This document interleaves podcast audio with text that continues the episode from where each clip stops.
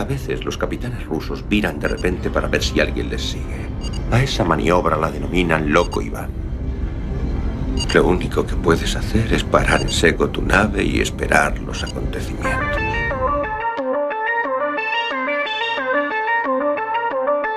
Yamasphere 347 of Space Patrol calling unidentified ship. Good night,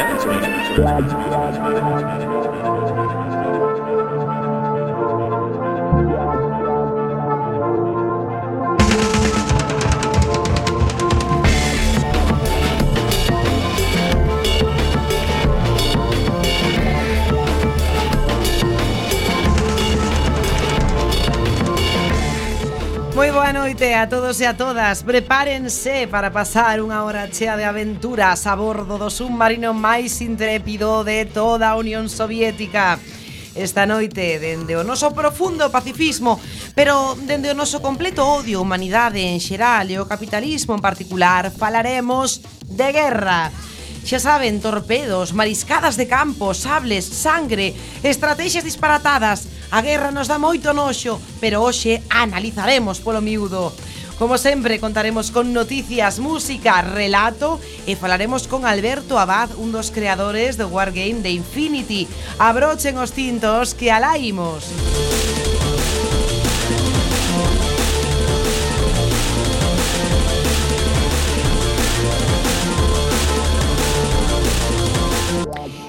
Todo isto non sería posible sen o señor Bugalov de novo na sala de máquinas. Onde está ese comunista de mierda? Onde está? Pois debe estar aquí a miña esquerda, o camarada Lamelov. Aquí estou, boa noite, camarada. O xefe de cociña Birnarem. Boa noite, camarada. E o tovarix Esmendrellev. Sempre disposto a ilustrar o lumpen proletariado. Damos tamén a benvida aos e as compañeiras que non están, pero están sacando lustre por fora ao submarino. Saúda vos a capitana Esbletana Ibarruri. Isto é loco, Iván. Comezamos. Comezamos.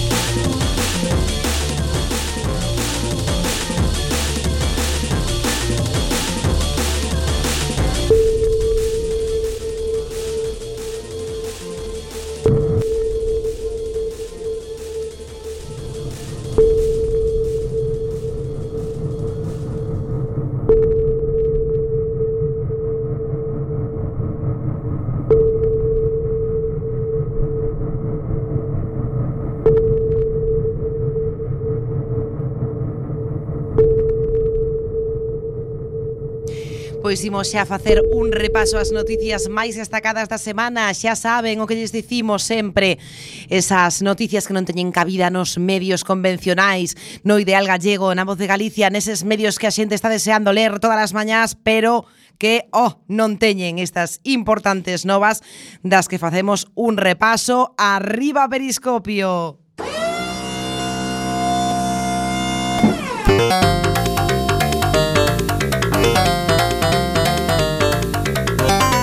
FM.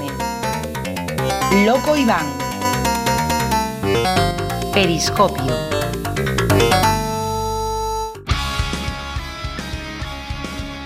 As pragas de Xipto e a túa nai. Rusty Lake Paradise é un extraño videoxogo de aventuras que trata sobre un rapaz chamado Jacob que volve ao seu fogar de Illa Paraíso despois de que a morte da súa nai deixara a Illa Maldita polas 10 pragas de Xipto. Trátase dunha aventura point and click na que Jacob ten que afondar nas memorias da súa nai e tomar parte en estranos rituais de familia para tentar deter as pragas. Cada praga ten a súa propia atmósfera, acertixos e temas musicais. É un videoxogo algo lixérxico, hai que dicirlo, pero lembra os coñecidos Maquinarium e Samoros, que, bueno, non teñen mala pinta. non haberá xogo de tronos ata 2019. Viva! Eh. Bueno, falamos da serie, claro eh... mm, Vale eh, O libro, Ventos de Inverno, mellor non agardedes por el Ata que Lamelov deixe de usar manga curta no inverno O sea que aínda queda tempo HBO confirmou que non haberá serie ata 2018, provocando crises de ansiedade entre os millóns de persoas que a seguen. Tamén dixeron que a oitava tempada será a máis curta de todas, con só seis episodios, e os guións serán de David Benioff, D.B. Weiss, Brian Kaufman e Dave Hill Un todo pirolos, vaya Aínda que non hai data concreta, o máis probable é a de suyo de 2019 The Station sairá o vindeiro mes Xa vos falamos deste videoxogo a tempada pasada. Hai que investigar a desaparición da tripulación dunha estación espacial que orbita, sen enerxía, ao redor dun mundo alienígena despiadado, Xa nos dirán a quen se lle coqueu a idea de orbitar nese lugar, pero xa se sabe que aquí non dimite ninguén. Nun futuro lonxano, a Estación Espacial Spial, a nave máis avanzada para explorar o espacio, investiga o planeta Sai Prime, coa mellor equipa de investigación para investigar a gaza extraterrestre que habita o planeta, que está ocupada nunha guerra salvase perpetua sin importancia, vamos, como aquí. A comunicación coa estación perdese, terás que ir ali a investigar que é o que pasou. O estilo é de simulator, eh, simulator, simulador de inversión, é dicir, facendo, é que eu ainda vivo no Fly Simulator ese, que acordades o Fly Simulator? Lembramos. Ai, sí, non facía nada. Anos. Pero bueno, Eh, nada, que o estilo é de simulador de inmersión, é dicir, facendo unha narrativa atmosférica onde a ambientación é fundamental a hora de contar a historia. Sairá o 20 de febreiro para Linux, Windows, Mac OS e caixas de xoguete. O universo de Hellboy terá un xogo de mesa. Dark Horse Comics anunciou que chegaron a un acordo con Maltin Games para producir un xogo de mesa sobre o universo de Hellboy. O financiamento será mediante crowdfunding na plataforma Quickstarter cunha campaña que comenzaron en abril este ano. O xogo terá figuriñas amontadas inspiradas no deseño artístico de Mike Minola. Eh, ten un nome curioso Mai Minola este. E a partida será cooperativa Minolation. A partida será cooperativa ata 4 persoas, son, non son dos teus favoritos, camarada capitana, no. e haberá que afrontarse aos seus inimigos máis populares deste universo. Subnáutica sairá á superficie o 23 de xaneiro. Un videoxogo que nos interesa moito é este videoxogo de exploración submarina e supervivencia nas profundidades do océano do mundo alienígena. Despois de estrelarte nese planeta, a única dirección na que podes avanzar é cara abaixo para explorar os océanos cos seus arrecifes, covas, volcáns submarinos e todo o que te poderías atopar no fondo do mar incluindo todo tipo de criaturas mariñas, ademais de abirnaren. Trátase dun mundo aberto no que ademais de explorar poderás crear bases, equipamento, modificar o terreo e pilotar submarinos. O estudio que o desenvolve é Agnon Urals, os mesmos que desenvolveron Natural Selection 2. Agora mesmo podes mercalo en acceso anticipado por 22 denarios. Viciarse moito coa Play é unha enfermidade, ou así o recoñece a Organización Mundial da Saúde no seu último Compendio Internacional de Enfermidades, Disque que o vicio do videoxogo chega a afectar a saúde cando pasas todo o día pegado á pantalla, deixas de facer outras cousas e segues da de quedalle a pesar das consecuencias negativas. Hmm. Como esa sentiña que palma nun cibercafé de Corea logo de 49 horas de maratón de StarCraft. Avispadas estas na OMS. Agora, só lles falta advertir eh, de que as caixas de recompensas aleatorias no FIFA incitan a ludopatía. Xa sabedes, rapazada, xogade con moderación e deixade tempo para o vodka e a revolución. Eh, críades que non chegaría nunca a este momento. Steam vai protagonizar un videoxogo. Non é Bon Jovi, é Steam Bueno, o estudio creador de Gone Home Team Bad Games prepara un videoxogo chamado Where the Water Tastes Like Wine, é dicir, onde a auga sabe a vinacha, que está chamando a atención polo seu cuidado aspecto gráfico, pero sobre todo porque no vídeo de presentación aparece o coñecido cantante e actor Sting, que, eh, como sabedes, é case coruñés de adopción, case. O cantante di que a experiencia narrativa do videoxogo é única e que está encantado de participar no proxecto. Tratase dun videoxogo de viaxar, eh, de contar historias ao estilo dos vagabundos que viaxan en tren por Estados Unidos. Vamos, mm, sí, así como estín.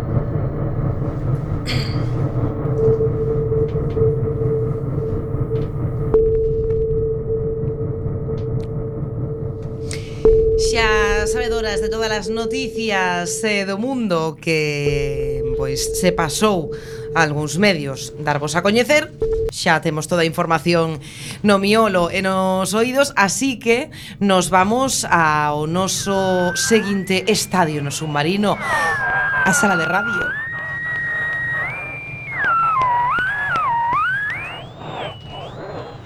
Que está ocorrendo? Que nada, nada, que se atascou o Celemín. O sea, nada xa está.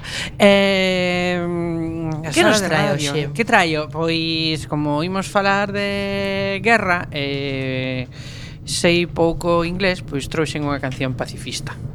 Mm, bueno, está ben, pero é desas cancións pacifistas que realmente dan ganas de matar.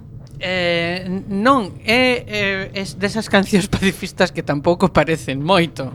Ah. Claro, eh, é unha canción que cantaba un un rapaz eh, nacido eh, en Nashville, Tennessee, de cor tirando a negra, o sea, a un afroamericano, que respondía polo nome de Edwin Starr con dúas R's, que eso mola mogollón. Ah, porque da de invernal. Poñerse ese Stark non, Star, Star como como como a sala de Star como Iron Man, jope, o sea, que, pues, eh, que mola, que xa que va de guerra o asunto, pois pues, Edwin Starr, eh, que tamén cantou xente como unha canción que tamén cantou xente así mm, en xeral interesante como Bruce bon Springsteen. Jovi?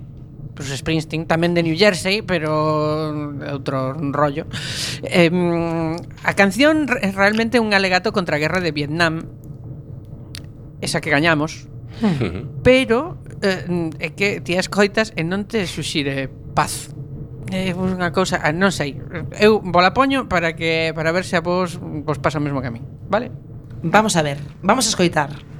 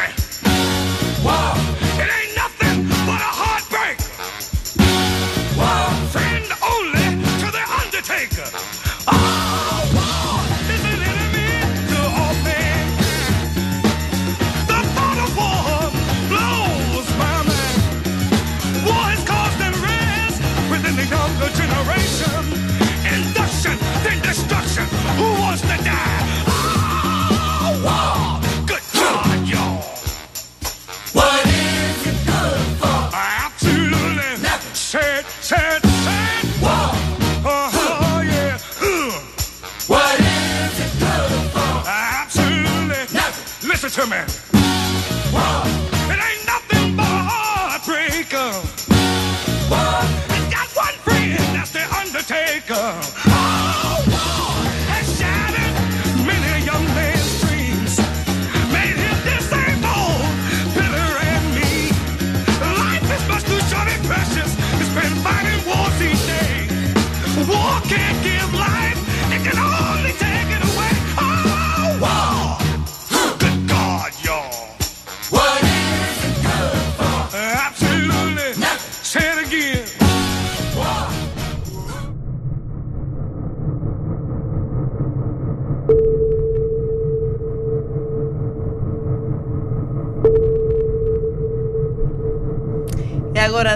música, como sempre, nos vamos á nosa biblioteca.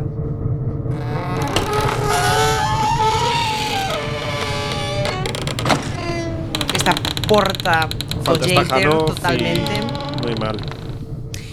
Unha porta bastante miser miserável, pero bueno.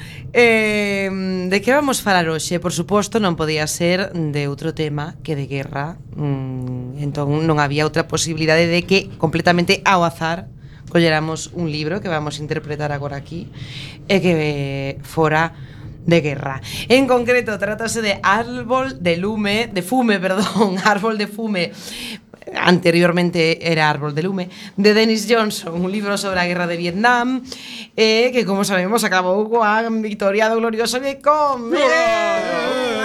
recordos! Ai, Dios mío, que ben o pasamos. Bueno, considerado un dos autores americanos máis importantes da literatura actual, Dennis Johnson conta en Árbore de Fume a historia de Skip Sands, un americano patriota e naif, o sea, un ser mm, horrible en todo seu en, en todo seu ser, convencido no seu papel na detención do avance do comunismo en Filipinas. Comor, comor, por que quería isto? Bueno, despois eh, tamén está no libro a figura do seu tío que lle chaman o coronel, que é un heroe veterano da Segunda Guerra Mundial e a xente da CIA en Manila. Cando o seu tío encargalle vixiar a un cura, eh? cuidado, chamado Thomas Caringham, sospeitoso de pasar armas aos simpatizantes do comunismo en Filipinas, un cura de Ben, eh, este morro asesinado a mans dun mercenario alemán contratado pola CIA, Skype comeza a sospeitar que quizá a guerra que estaba ansioso de librar non é tan boa como pensaba. A súa sospeita confirmarase pouco despois, oi, co xogo de intrigas e dobres axentes orquestado polos seus compañeiros da intelixencia nas xunglas de Vietnam.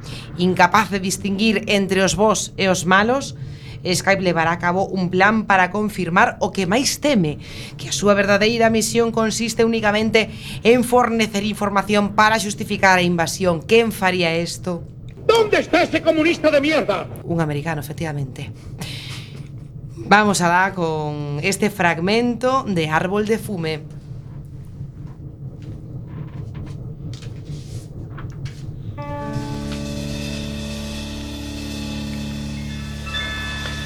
No pasó mucho tiempo antes de que los hermanos se pusieran a discutir por cualquier tontería, y Bill Houston derramara una jarra de cerveza en el regazo de alguien que estaba en la mesa de al lado, una chica japonesa que se limitó a encorvar los hombres y a poner cara triste y humillada. Estaba sentada con una amiga suya y también con dos americanos, dos muchachos que no supieron cómo reaccionar. La cerveza chorreaba del borde de la mesa mientras James intentaba con torpeza volver a poner de pie la jarra caída, diciendo: A veces se pone así, es, es lo que hay. La chica no movió ni un músculo para colocarse en otro sitio. Se estaba mirando el regazo. ¿Qué nos pasa? ¿Estamos mal de la cabeza o algo así? Cada vez que nos juntamos pasa algo malo. Ya sé. Algo no chuta. No chuta, es una mierda, ya sé. Porque somos familia. La misma sangre. Toda esa mierda ya no me importa. Tiene que importarte algo. Si no, ¿por qué ibas a darte la paliza de venir hasta Yokohama para verme? Sí, en el Peanut Bar. El Peanut Bar. ¿Y por qué he perdido mi embarque? ¿Has perdido tu embarque? Tendría que haber zarpado esta tarde a las 4. Y no has ido. El barco... El barco debe estar por ahí todavía. Pero me imagino que ya habrán salido del puerto. Bill Houston sintió que se le inundaban los ojos de lágrimas, que lo estrangulaba una emoción repentina causada por su vida y por aquel lugar donde todo el mundo conducía por la izquierda. Nunca me has caído bien. Ya sé, ya sé. Tú a mí tampoco. Tú a mí tampoco. Siempre me has parecido un pichacorte hijo de puta. Yo siempre te he odiado. Joder, lo siento. Se sacó algo de dinero de la billetera y lo tiró sobre la mesa mojada. Cien yenes o mil yenes, no lo podía ver bien. Es mi último año en la marina. Le explicó la chica. Le habría tirado más, pero tenía la billetera vacía. Me topé con este océano y me morí. Podrían perfectamente llevar mis huesos a casa. Soy otra persona. La tarde de aquel día de noviembre de 1963, el día después del asesinato de John Fitzgerald Kennedy, el capitán Nguyen Minh, el joven piloto de la Fuerza Aérea de Vietnam, se sumergió con máscara y snorkel frente a la orilla de la isla grande. Era una pasión que acababa de descubrir. La experiencia se parecía a lo que los pájaros debían de disfrutar en el aire, planeando por encima del paisaje, impulsados por la acción de sus propios miembros, volando de verdad por oposición al mero hecho de pilotar una máquina. Las aletas palmeadas que tenía sujetas a los pies le dieron un gran impulso mientras pasaba a toda velocidad por encima de un enorme banco de peces loro que se dedicaban a comer de un arrecife, con su multitud de picos diminutos repiqueteando contra el coral con un ruido como de chaparrón. A los soldados de la Marina americanos les gustaba bucear tanto con traje como sin él, hasta el punto de que habían destrozado todo el coral y habían hecho que los peces se volvieran muy tímidos, de manera que el banco entero desapareció en un abrir y cerrar de ojos cuando él se acercó nadando. A Ming no, se le daba muy bien nadar, y sin nadie a su alrededor se permitía experimentar todo el miedo que tenía. Se había pasado toda la noche anterior con la prostituta que el coronel le había pagado. La chica había dormido en el suelo y él en la cama. Él no había querido. No se acababa de fiar de aquellos filipinos. Luego hoy, hacia media mañana, habían ido al bar y se habían enterado de que el presidente de Estados Unidos, la presidenta y el Fitzgerald Kennedy lo habían asesinado. Las dos filipinas seguían con ellos y cada una de ellas había cogido al coronel de uno de los robustos brazos y se lo había sujetado, como si intentara mantenerlo amarrado al suelo, mientras él ponía toda su sorpresa y su dolor bajo control. Se pasaron la mañana sentados a una mesa y escucharon los boletines de informativos. Por el amor de Dios, por el amor de Dios. Por la tarde, el coronel ya se había animado y la cerveza corría de un lado para otro. Ming intentaba no beber mucho, pero no quería ser descortés y acabó muy mareado. Las chicas desaparecieron, regresaron y el ventilador giraba en el techo. Un recluta de la Marina muy joven se unió a ellos y alguien le preguntó a Ming si era verdad que estaba teniendo lugar una guerra en Vietnam. Aquella noche el coronel quiso que se, intercambiara- que se intercambiaran las chicas y Min decidió que haría lo mismo que la noche anterior, solo para tener contento al coronel y mostrarle que le estaba sinceramente agradecido. En cualquier caso, la otra chica era la que él prefería. Le parecía más guapa y hablaba mejor inglés. La chica, sin embargo, le pidió que dejara encendido el aire acondicionado. Él lo quería apagado. Con el aire acondicionado encendido no podía oír nada. Le gustaba tener las ventanas abiertas, le gustaba el sonido de los insectos al chocar con la mosquitera. No tenía mosquiteras de aquellas en la casa de su familia en el delta del Mekong, ni siquiera en casa de su tío en Saigón. ¿Qué quiere? Ella lo trataba con mucho desprecio. No sé, eh, quítate la ropa. Los dos se quitaron la ropa, se tumbaron a oscuras el uno junto al otro sobre la cama doble y no hicieron nada más. Él oyó a un marinero americano a unas cuantas puertas de distancia que hablaba con uno de sus amigos en voz muy alta, tal vez contándole una historia. Ming no pudo entender ni una palabra de la misma, aunque consideraba que su inglés era bastante bueno. El coronel la tiene grande. La chica le estaba acariciando el pene. ¿Es amigo tuyo? No, no lo sé. ¿Cómo tú no sabes si es amigo tuyo? ¿Por qué estás con él? Eh, no lo sé. ¿Cuándo lo conociste por primera vez? Hace una semana eh, o dos. ¿Quién es? No lo sé.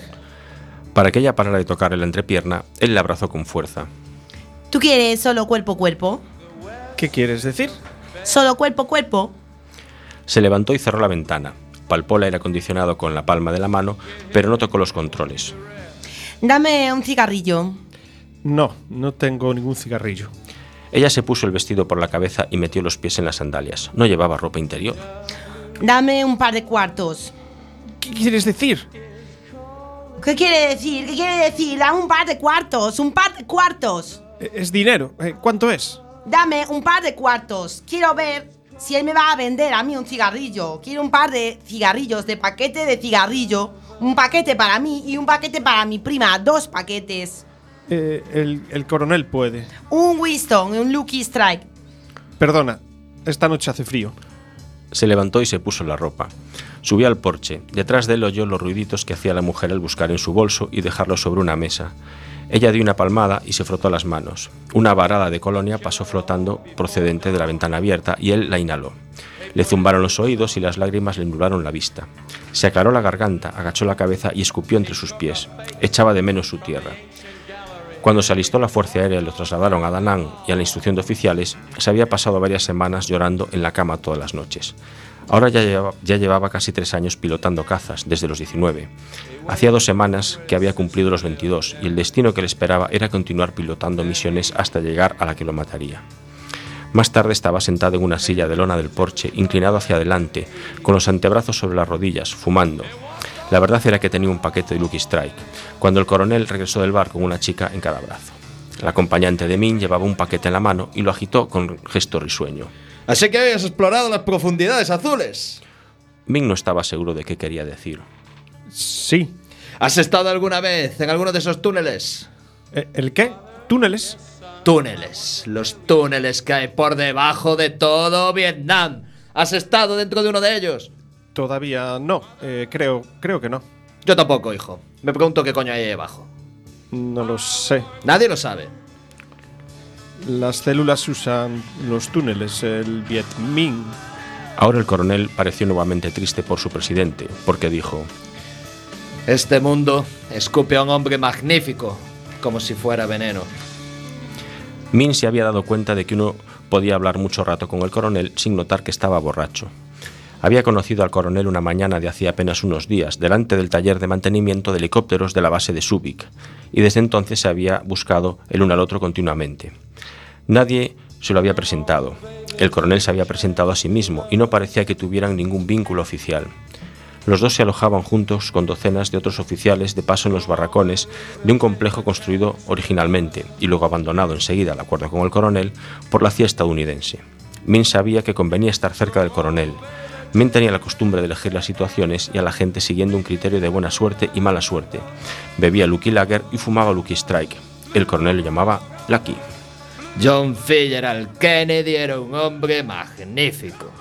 Eso es lo que lo ha matado.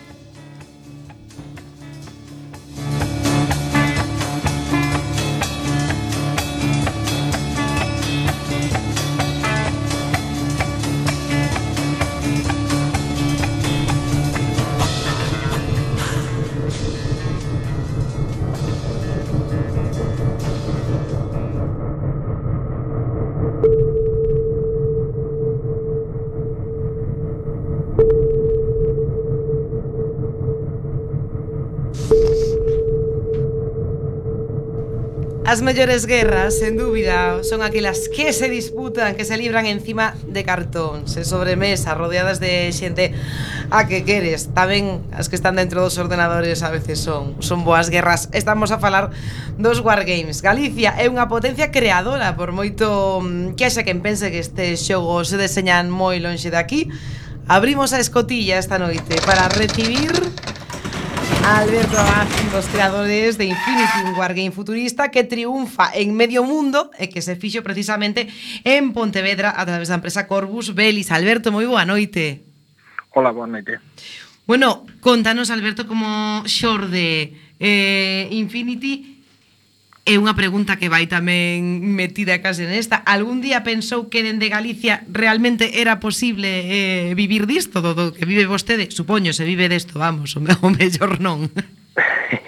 eh, sí, se vive desto. Bueno, de feito, agora mismo vivimos eh, 55 personas, que é a plantilla da, da empresa a día de hoxe.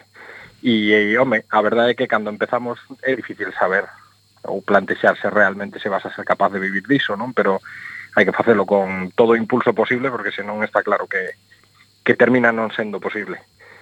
E nada, nos empezamos eh, coa aventura que foi Infinity no seu momento, pois eh, desenvolvendo un xogo que sacamos alá por eh, 2005, creo, uh -huh. ainda que Corvus Belli xa existía desde principios de, eh, bueno, dos anos 2000, eh, pero, bueno, entramos como socios eh, eh, dúas personas, de quenes xa formaban Corpus, Corpus Belli en ese momento, eh, entre dous deles e os dous que entramos novos eh, fixemos o xogo de Infinity, e, e nada, se desenvolveu a partir un pouco das ideas eh, que tiñamos de xogar a rol para facer para facer o que era o trasfondo basado pois en todas as nosas partidas que sempre estaban basadas pois en novelas, en películas, en cousas que que veíamos eh, pola tele ou que leíamos e que nos e que nos molaban e bueno, a partir de eso desenvolvendo un sistema de xogo mm, terminamos eh, terminamos con con Infinity encima das mesas.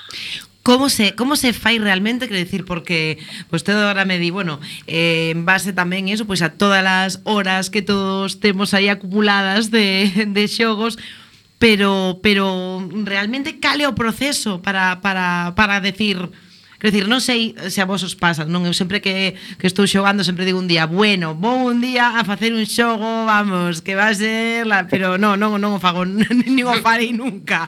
Pero como é ese salto, eh, como é realmente ese proceso, non? De, de, de, mm, de idear un xogo e de, e de, e de crear a partir da nada, realmente. Bueno, en, en realidade partes, partes de moitas cousas, porque o bagaxe que tes eh, a espalda como xogador eh, é unha ferramenta moi poderosa para, para poder desenvolver cousas novas. Eh, sempre tes as referencias de outras cousas que fai outra xente e sobre todo as cousas que non te gustan. Te iba a decir, as cousas eh, que non te gustan. Claro, a mí sabemos os compañeiros que, que os xogos participativos ou os colaborativos non me mm. gustan nada. bueno, eso a día de hoxe é algo curioso, porque generalmente ahora mismo están un pouco máis de moda quizás os xogos colaborativos, ¿no? que os que os xogos de competición uns cos outros, pero pero sí, vendo as cousas que ao mellor non te gustan de outros xogos, aínda que te guste o xogo en xeral, pois ao mellor ves algunhas mecánicas que dixen como molaría que fixeran isto ou que fixeran aquelo, e nós durante moita nosa vida de xogadores fixemos eso, sempre facíamos pois pequenas versións das reglas para intentar que foran exactamente o que nos queríamos, ¿no? Entón, no momento en que nos puxemos a crear Infinity, foi iso, bueno, vamos a la, vamos a facer o xogo. Pois nada, é, unha, é un traballo, así que hai que facelo ben. Hmm. E xa está, é simple e llanamente poñer, poñer empeño en elo e nada, e probar moito, probar moito hasta que as cousas quedan quedan redondas, expoñelo a pois amigos que tes ou a xente que está disposta a facer o playtesting e ao cabo do tempo, pois finalmente eh, sácalo ao mercado e expoñelo verdadeiramente o que vai a ser o test definitivo de que o que estás facendo está ben ou non ten o favor do público. E mm, como de repente, quer decir, mm, xa teñen o xogo, xa, digamos, ten os parabéns, pero de repente este éxito eh, eh, eh esta exportación non do, do xogo de que, de que Es decir, en, en cantos países están xogando agora mesmo? Bueno, non o sei, non? Isto de agora mesmo sempre é así un pouco pedante, pero eh, a Infinity, non? Eh, home, eu ahora mismo no, seguramente te darei unha cifra e non se xa exacta, non? pero en máis de 20 ou 20 tantos países están eh, está implantado Infinity en maior ou menor eh, eh medida. Claro. Nos xa cando empezamos, empezamos con vistas a que o, o mercado tiña que ser algo máis que, que simplemente o mercado o mercado da península, porque mm, non creíamos que fora suficiente como para podernos manter, porque os compañeros que xa tiñan Corvus Belli no seu momento, eh, estaban co tema das miniaturas, aínda que non tiñan uh -huh. un xogo de soporte, facían miniaturas de 15 mm para, para outros xogos, de, de, para outros wargames históricos, e non estaban conseguindo o suficiente como, como para vivir. Ainda así, eles xa vendían a todo o mundo. A día de hoxe realmente é relativamente fácil, con as comillas ben gordas, en vender a todo o mundo, porque temos internet que sí. nos permite poñernos en contacto con distribuidores ou tendas en case cualquier lugar do mundo e os os mm, servicios de transporte a día de hoxe cubren cualquera dos lugares donde nos podemos poñer o noso produto. Entón, é relativamente fácil.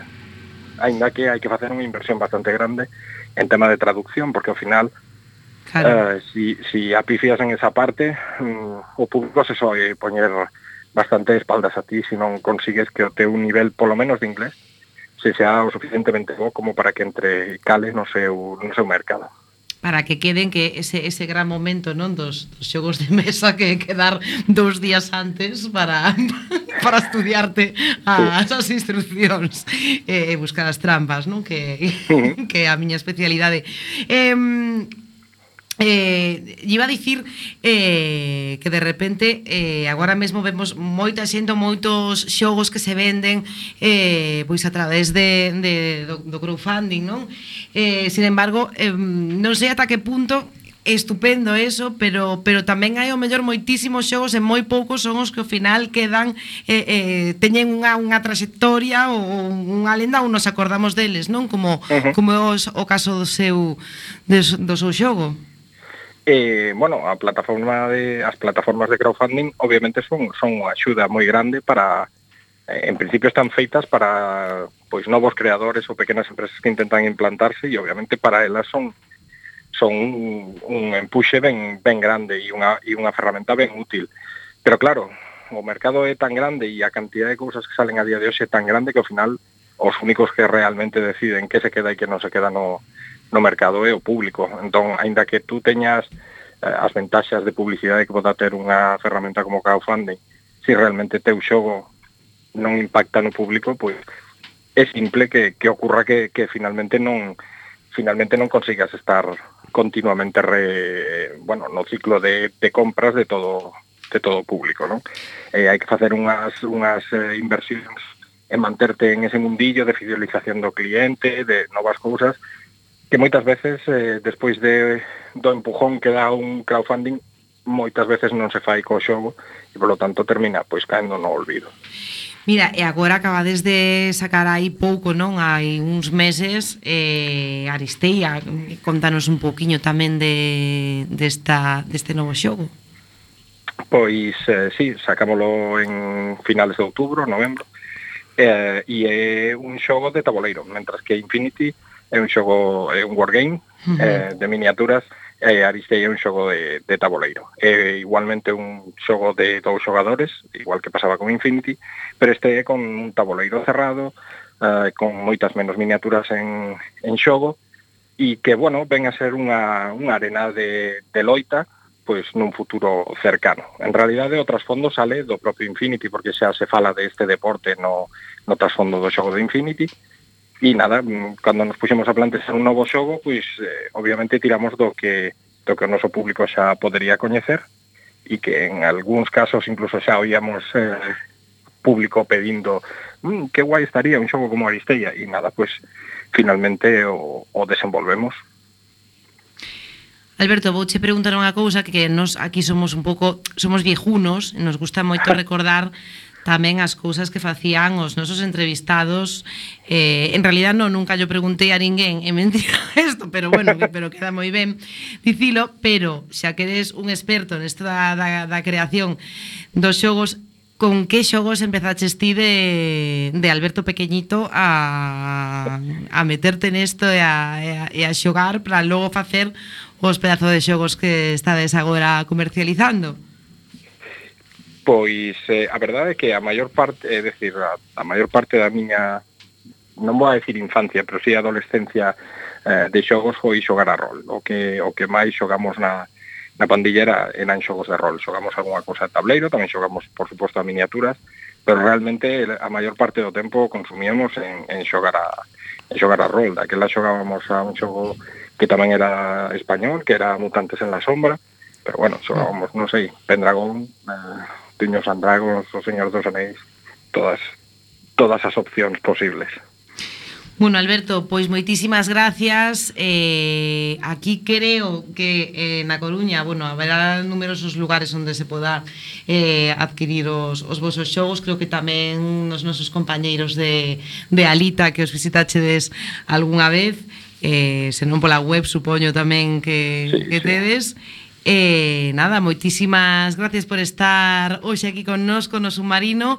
Eh, nada, cando queiras, tesa escotilla non aberta sempre Porque nos non, afogaríamos, pero, pero bueno que Con que chames te abrimos.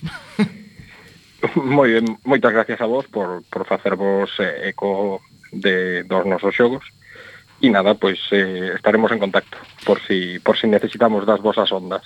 Moi ben, pois moitas gracias. Boa noite. Nada, gracias a vos. Boa noite.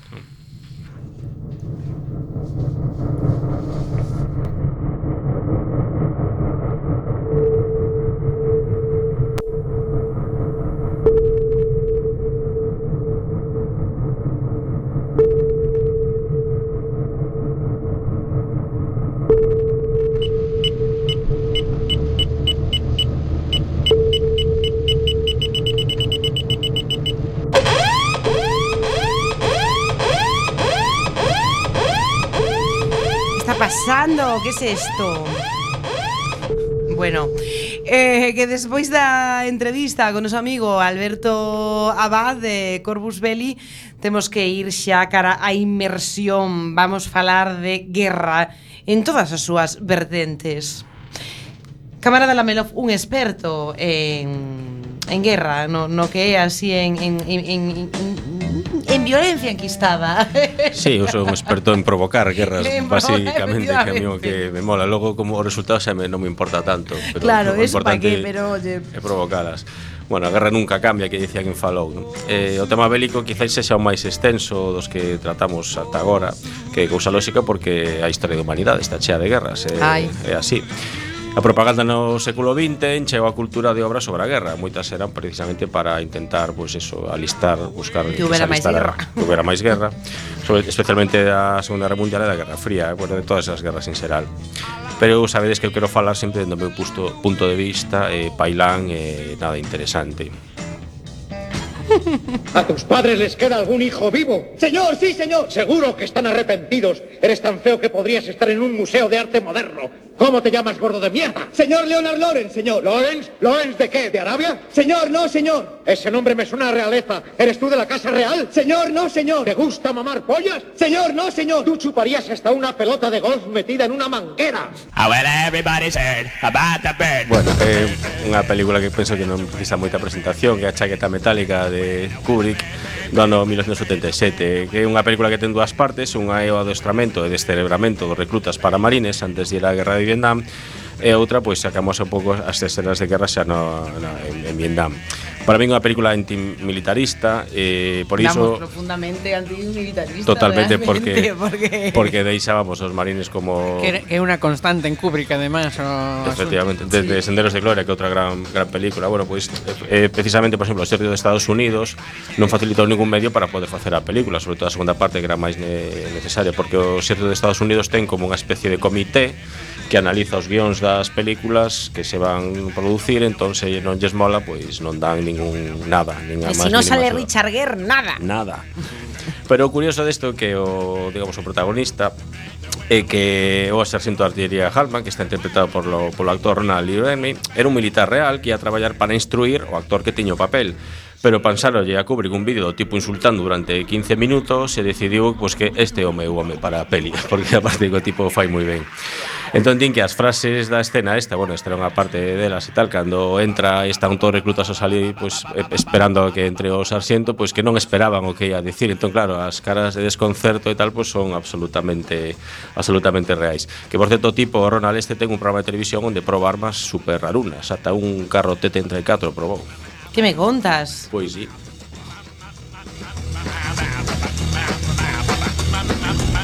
¿Hueles eso? ¿Lo hueles, verdad? ¿Qué es? Es napalm. Nada en el mundo huele como eso.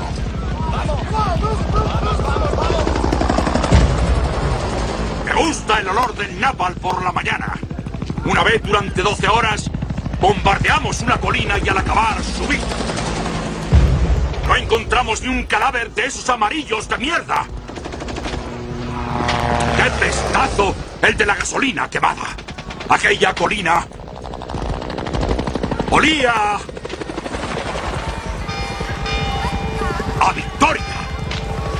Bueno, outra película que non precisa moita presentación que é Apocalipse Now de Francis Ford Coppola que é unha das grandes horas mestras do cine e que deixou frases tan míticas como esta que acaba de dicir Robert Duvall e tamén escenas que forman parte da historia do cine como isto que está soando de fondo que é o ataque dos helicópteros coa cabalgata das Valquirias de fondo a verdade que a película é unha, unha maravilla e aparte tampouco é unha película precisamente belicista máis ben ao contrario porque deixa ver os horrores da, da guerra. E bueno, pouco máis hai que dicir desa peli pero sí que hai un documental que que, fala de como se fixo a peli dos dificultades que tivo Coppola para facelas e os actores e, e todas as situacións, bueno, pues, disparatadas que tiveron que subir que merece tanto a pena case como, como a película. Bueno, sí que hai que dicir eh, eh, o que pasa que eso eh, normalmente o dio camarada Esmendrellev que está basado nun libro super chulo O corazón das tebras de, de Joseph Conrad que non tiña lugar ali, tiña lugar no Congo, non? Sí, Pero que certo. lle deron lle deu unha volta guai. E non quedou mal, a verdade.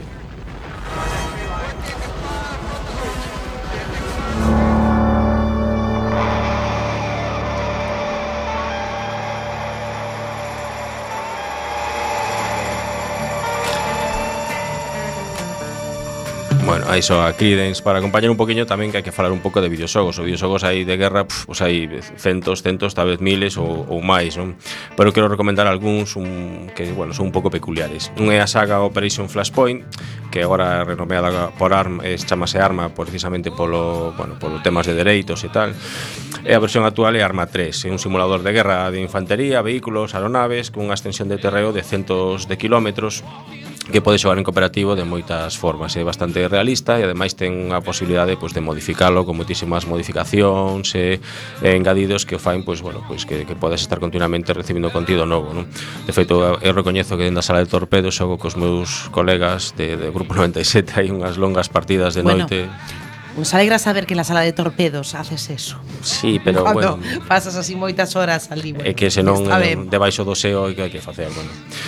ben, outro que tamén hai que destacar é a, sala, a saga IL-2 Sturmovik, que o IL-2 é un avión de combate da Segunda Guerra Mundial soviético, eh, que está, pues eso, eh, da guerra eh, no frente do leste. Eh, fixeron unha saga de simuladores que empezou xa no ano 2000 ou por aí, que, bueno, pues foi derivando ata o máis moderno de agora, que xa ten pues, o combate de pues, Moscú, ata de Moscú, a batalla de Cuba, a batalla de Stalingrado e que, bueno, o que xenerou unha comunidade moi grande alrededor de, deste simulador e moito interese pola, pola, pola propia fronte, fronte do leste non?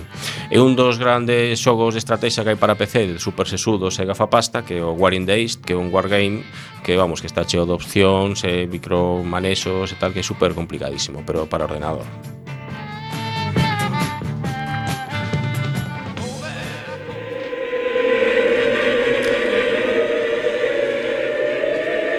Ben, esa para rematar, vou poñer un poquinho máis serio de unha película que se belorrusa que fala das atrocidades cometidas polas SS cando entraron nesa República Soviética ao comezo da Segunda Guerra Mundial. Trátase de Idi Ismotri, Ben e Mira, dirixida por Elen Klimov no ano 85. É unha das películas máis duras que vin sobre a guerra e que amosa a espantosa crueldade nazi cando entraron na URSS. É brutal. Eh, o sea, eh, que, que habemos o que non habemos. Sí, sí, hai que vela eh, porque, eh, bueno. sobre todo para toda esta xente que logo ten certo especie de romanticismo cos nazis ou así.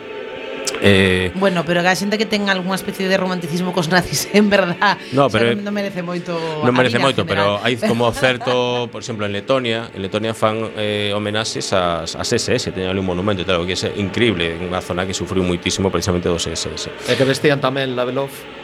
É certo. Sí. Sí. Hugo Boss, xa se sabe. Efectivamente. Coco Chanel, xa se sabe. Era moi elegante. Todos estes fillos de puta colaboracionistas, xa se. Bueno, pois pues, do noso punto de vista, aparte desta peli que digo que hai recomendala, eh, tres películas así casi de Telegram que cando pasan as cigoñas, que de Mijail Kalatozov, que premiada en Cannes no ano 58, os amenceres aquí son máis calmos, de Stanislav Rostovsky de no ano 72. A teu colega. Ambas en, en Glorioso Blanco e Negro, efectivamente, e a Batalla de Moscú de Yuri Orezov, de no 85 que é a mellor recreación da batalla pois que penso que é máis decisiva de toda a Segunda Guerra Mundial. Eh, todas elas están en YouTube gratis e subtituladas a Pichis Panis.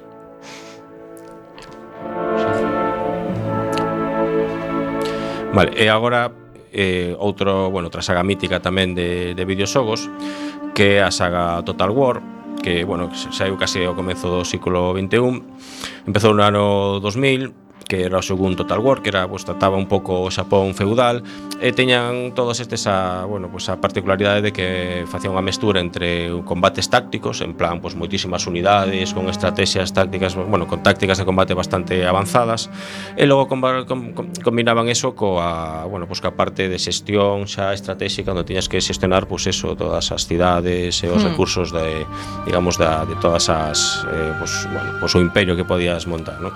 Fixeron moitísimas revolucións, Napoleón medieval, Rome, medieval 2, eh, o Shogun 2, eh, Atila, bueno, todos combates históricos que non é unha estrategia moi profunda, pero que están bastante bastante ben. A min o meu favorito a verdade que foi o Roma.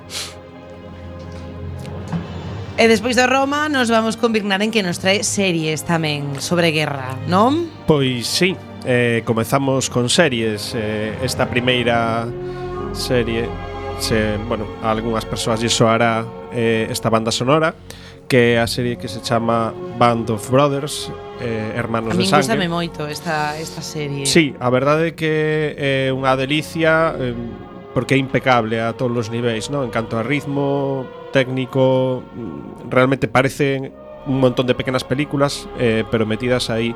E debe eh, ser a primeira serie en la que coincidimos Tima e Seu que nos gusta, porque nunca nos gustan as mesmas eh, series. E será a última, probablemente. Será a última.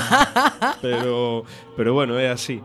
Eh, e narra a historia de un grupo de paracaidistas que, que se lanzan eh, na metade de Francia xusto cando se están desembarcando en Normandía e quedan aí en medio entre o avance do, eh, dos americanos e en medio dos nazis, non? E todo como como vai avanzando esa historia. Hai outra serie que se chama Pacific, Pacífico que, que recolle Está ben un pouco... esa traducción, senón pues, sí, sería casi si, si non nos entendería. eh, é traducción ao chino que, que, que se di Pacífico. En castelán non sei, habría que buscalo. Eh, e, e bueno, eh, basicamente o mesmo, pero da, da batalla eh, vou aclarar que tratas sobre o Pacífico, non? Sí, eh, sí, é importante. Claro. E, e bueno, eh, destacar tamén outra que se chama eh, Generation, Generation Kill eh, que é do grande David Simon que en este caso xa é digamos que unha crítica máis mordaz do que é a ocupación americana durante a guerra de Irak eh, Bueno, eh, estando na Segunda Guerra Mundial eh, quería aproveitar para meter un xogo. Ah, bueno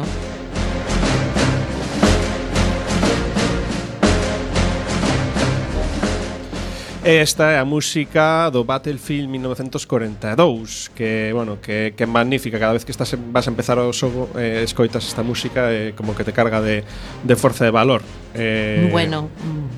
sí. No, no, no. a- a- Eu Bueno. iba a dicir, xusto calei, en vez de decir que me Sabes que era así como música un poco de pailanés.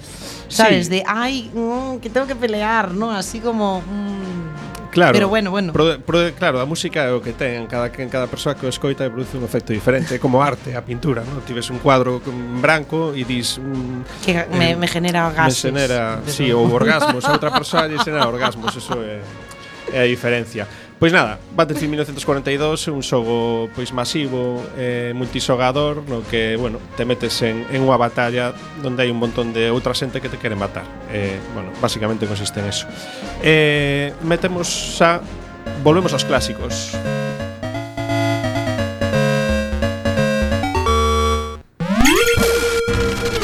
Bueno, eh, esta é unha pequena mestura de, de un par de, de xogos de máquinas recreativas dos anos 80 eh, Tratanse dos máis clásicos xogos pois, re, relacionados coa guerra. Un é o Green Beret, que é un arcade de, de avance en vertical No que tes que coa navalla irte cargando asaltos pois un montón de enemigos E outro é o Comando, eh, bueno, eh, de avance cara adiante. E, e bueno, son xogos cos que pois gastamos moitas monedas de 5 duros eh, en outra época. Eh, tamén Tamén hai outra serie de xogos que podemos mencionar aquí xa de ordenador, como Army Mobs ou Navi Mobs, eh, o Comandos, que é un xogo dunha compañía española tamén eh, moi, moi a destacar. Uh -huh. Pero pasamos a falar de outra cousa. Eh, e, e xa así en, en branco, no? igual que o cuadro, pois paso a falar de... do, do cuadro que generaba gases e orgasmos. dos gases. en este caso, eh, non se gases, pero é Joe Saco, eh, que yo saco é un, un autor de cómics, non? Periodista. Bueno, que un, un eh, eh un gran xornalista, non? Un que... gran xornalista, efectivamente. Eh... Home, os Pulitzer non, non se atopan polas rúas. E, bueno, se teñen dado casos, sí, eh, pero... pero... Sí. bueno, hai de todo. E, bueno, é eh, o autor de, de grandes cómics eh, como Goraz de Zona Protegida, sí. Palestina na França de Gaza ou O Mediador eh, a súa visión é, é moi crítica, eh, pero eh, destaca sobre todo a parte de polo de buso, eh, como contas historias polo seu método de traballo, non? É dicir que antes de escribir un cómic, pois vai a vivir e a facer entrevistas, documentar todo, sacar sí. fotografías de toda a zona onde onde fai. O que deberían facer moitos xornalistas, pero xa non se fai. Eh, está Jais Mendereyev eh, Que nos traes? Que nos queda pouquiño eh, Pero, Bueno, pues, pero algo nos tes que contar Imos meter algo de literatura, seguro que coñecedes, seguro que que coñecedes esta pequena curte. ¿Cuál es tu oficio? Soy alfarero. Señor. ¿Y tú, Arcadio? Ay, qué ¿Cuál bueno. es tu oficio? Más Escultor, señor. Vale. ¿Y tú? Soy herrero, señor. Bueno, pois esta Ai. é unha escena concretamente de 300, unha mediocre película Bueno, mediocre, perdona, amigo O sea, eso no me... Ahí no hay mediocridad por ningún lado A ti porque che gustan as tabletas dese son. Bueno, es Entón, que el, claro, ye- non hai el, ye- el mediocridade. yelmo le pesaba. Pero está está basada nun moi bo cómic de Sí. Frank Miller, célebre fascista norteamericano, que de feito tivo un enfrentamento porque despois outro escritor de ciencia ficción, David Brin, eh, foille a pluma dicíndolle que realmente porque non había para tanto con Leónidas porque os que salvou Grecia foi despois Temístocles, que era ateniense, non espartano, na batalla de Salamina. Bueno, Tiveron aí home. unha discusión, non? Pero bueno, eh, Eh, para que matar, simplemente comentar que se queremos falar de espartanos, eh, nada máis que falar dunha novela que se chama Portas de Lume que está escriba está escrita por Steven Pressfield, que é un guionista norteamericano, que está uh -huh. moi ben. Eu a recomendo sinceramente porque fala moito de como era a vida espartana. Este tipo fala con moita habilidade, escribe moi ben, E de feito, hai unha cousa que entre os amigos da, da historia como a min, chegamos a Ai, os amigos da historia. Da historia, os amigos Ay, da historia, sí, que... MMs de merda. Ai, sí, efectivamente, eres amigo da historia, pero Empezamos a oír falar da foboloxía unha ciencia do medo que dominaban os antigos espartanos no. para poder controlar o seu medo na batalla. A cuestión que cando se lle preguntou por fin a este home, non, a Presfield sobre isto, dixo, mira, inventei no todo. O tío servira nos marines e simplemente as técnicas que lles ensinaban na nova hegemonía militar que Estados Unidos para dominar o medo, pois utilizabaos para isto. E bueno, Con isto, nada, simplemente quería falar desta, desta noveliña que está moi interesante. Bueno, algunha noveliña máis que nos recomendes eh, 10 segundos. Pois mira, simplemente decir que hai unha novela de toda a vida que hai que ler, non sei se exactamente novela ou libro de filosofía, que son os sete pilares da sabedoría, escrito polo famoso Laurens de Arabia, Non sei se, se a coñecedes E bueno, dicir que eu, cando era capaz Lín a versión para nenos E un día na universidade Decidí que lelo na biblioteca E imaginad a miña cara Cando me encontro con fragmentos como este. Las mujeres públicas de los escasos asentamientos con que nos tropezábamos en nuestras coguerías apenas hubieran bastado para contentar a todo nuestro grupo, ni aun cuando sus carnes pintadas de almagro hubieran sido del gusto de hombres sanos y enteros. Horrorizados por tan sórdido comercio, nuestros jóvenes empezaron a satisfacer entre sí sus escasas necesidades, haciendo uso de sus propios y limpios cuerpos. Por comparación, parecía sesuado y hasta puro. Así que sabedes que Bueno. había porno. Despois deste, deste último comentario que analizaremos eh, posteriormente con detenimiento porque eh, Esmendrellev escolleu este alegre comentario Nada, que nos vamos, que se acabou o tempo que vos queremos moito, que nos vemos o venres que ven que beban vodka con moderación e que sexan moi felices. Micos Micos.